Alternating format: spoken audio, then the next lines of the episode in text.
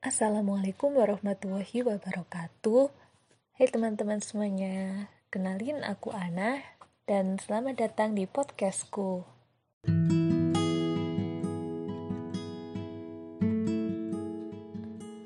Kali ini aku mau ngebahas tentang ilmu komunikasi. Sebelum itu, aku mau nanya dulu nih kalian. Kalian pernah denger gak sih ada orang yang ngomong kayak gini? Enak ya kuliah komunikasi kerjanya cuma ngobrol doang. Ayolah belajar ngomong doang aja pakai kuliah segala. Aku nih sebagai anak komunikasi sering tuh sering juga sih beberapa kali dengar ada orang yang ngomong kayak gitu. Iya sih emang semua manusia itu udah terbiasa sama yang namanya komunikasi. Terlebih kan kita makhluk sosial ya yang interaksi antar manusia itu penting banget Nah, salah satunya ya melalui berkomunikasi. Tapi di ilmu komunikasi itu nggak cuma belajar ngomong aja, lebih ke cara berkomunikasi atau berinteraksi dengan orang lain, baik menggunakan bahasa verbal maupun nonverbal. Eits, tapi nggak cuma itu aja loh. Kalau di ilmu komunikasi, belajarnya itu banyak banget di ilmu komunikasi, kita juga belajar tentang aspek komunikasi, baik secara teori maupun praktek. Komunikasi itu kayak perpaduan antara ilmu dan juga seni mengolah pesan.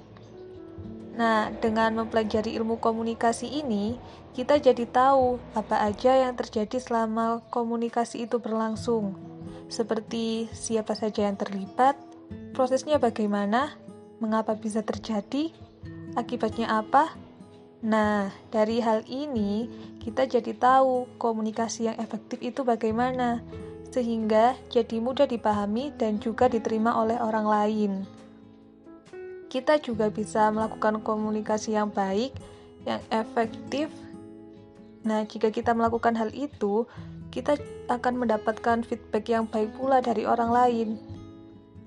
Selain itu, di ilmu komunikasi kita juga belajar tentang bentuk-bentuk komunikasi mulai dari komunikasi intrapersonal, komunikasi interpersonal, komunikasi kelompok, komunikasi lintas budaya, dan juga komunikasi massa.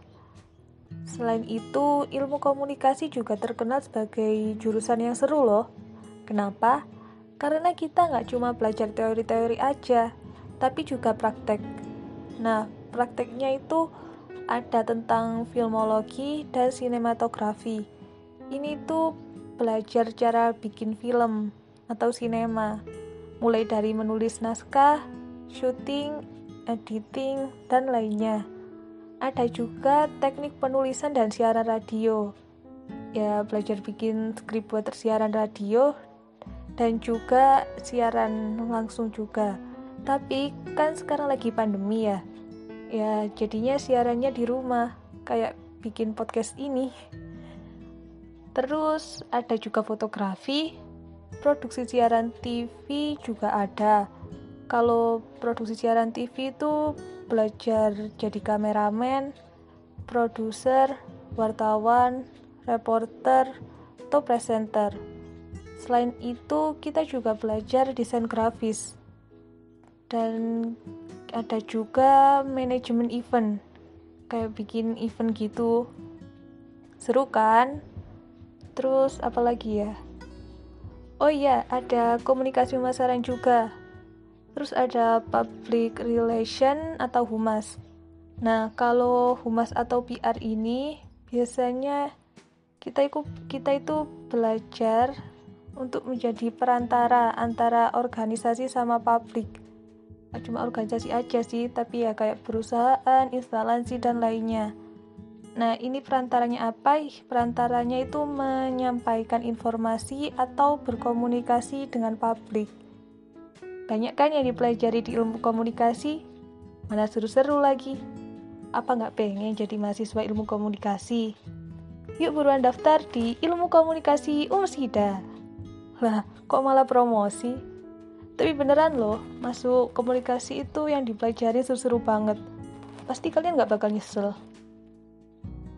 Kayaknya segitu dulu sih podcast kali ini.